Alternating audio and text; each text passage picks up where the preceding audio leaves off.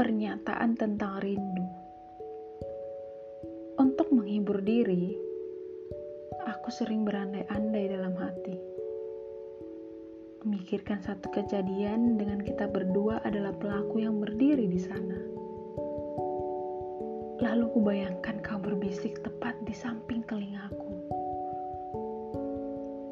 Apakah rindumu sudah penuh? Esok, pagi datang dengan setangkup jawaban. Ketika kau sedang asik menyeduh kopimu, kau ingat jika kepalaku sudah lama tak bersandar di baumu.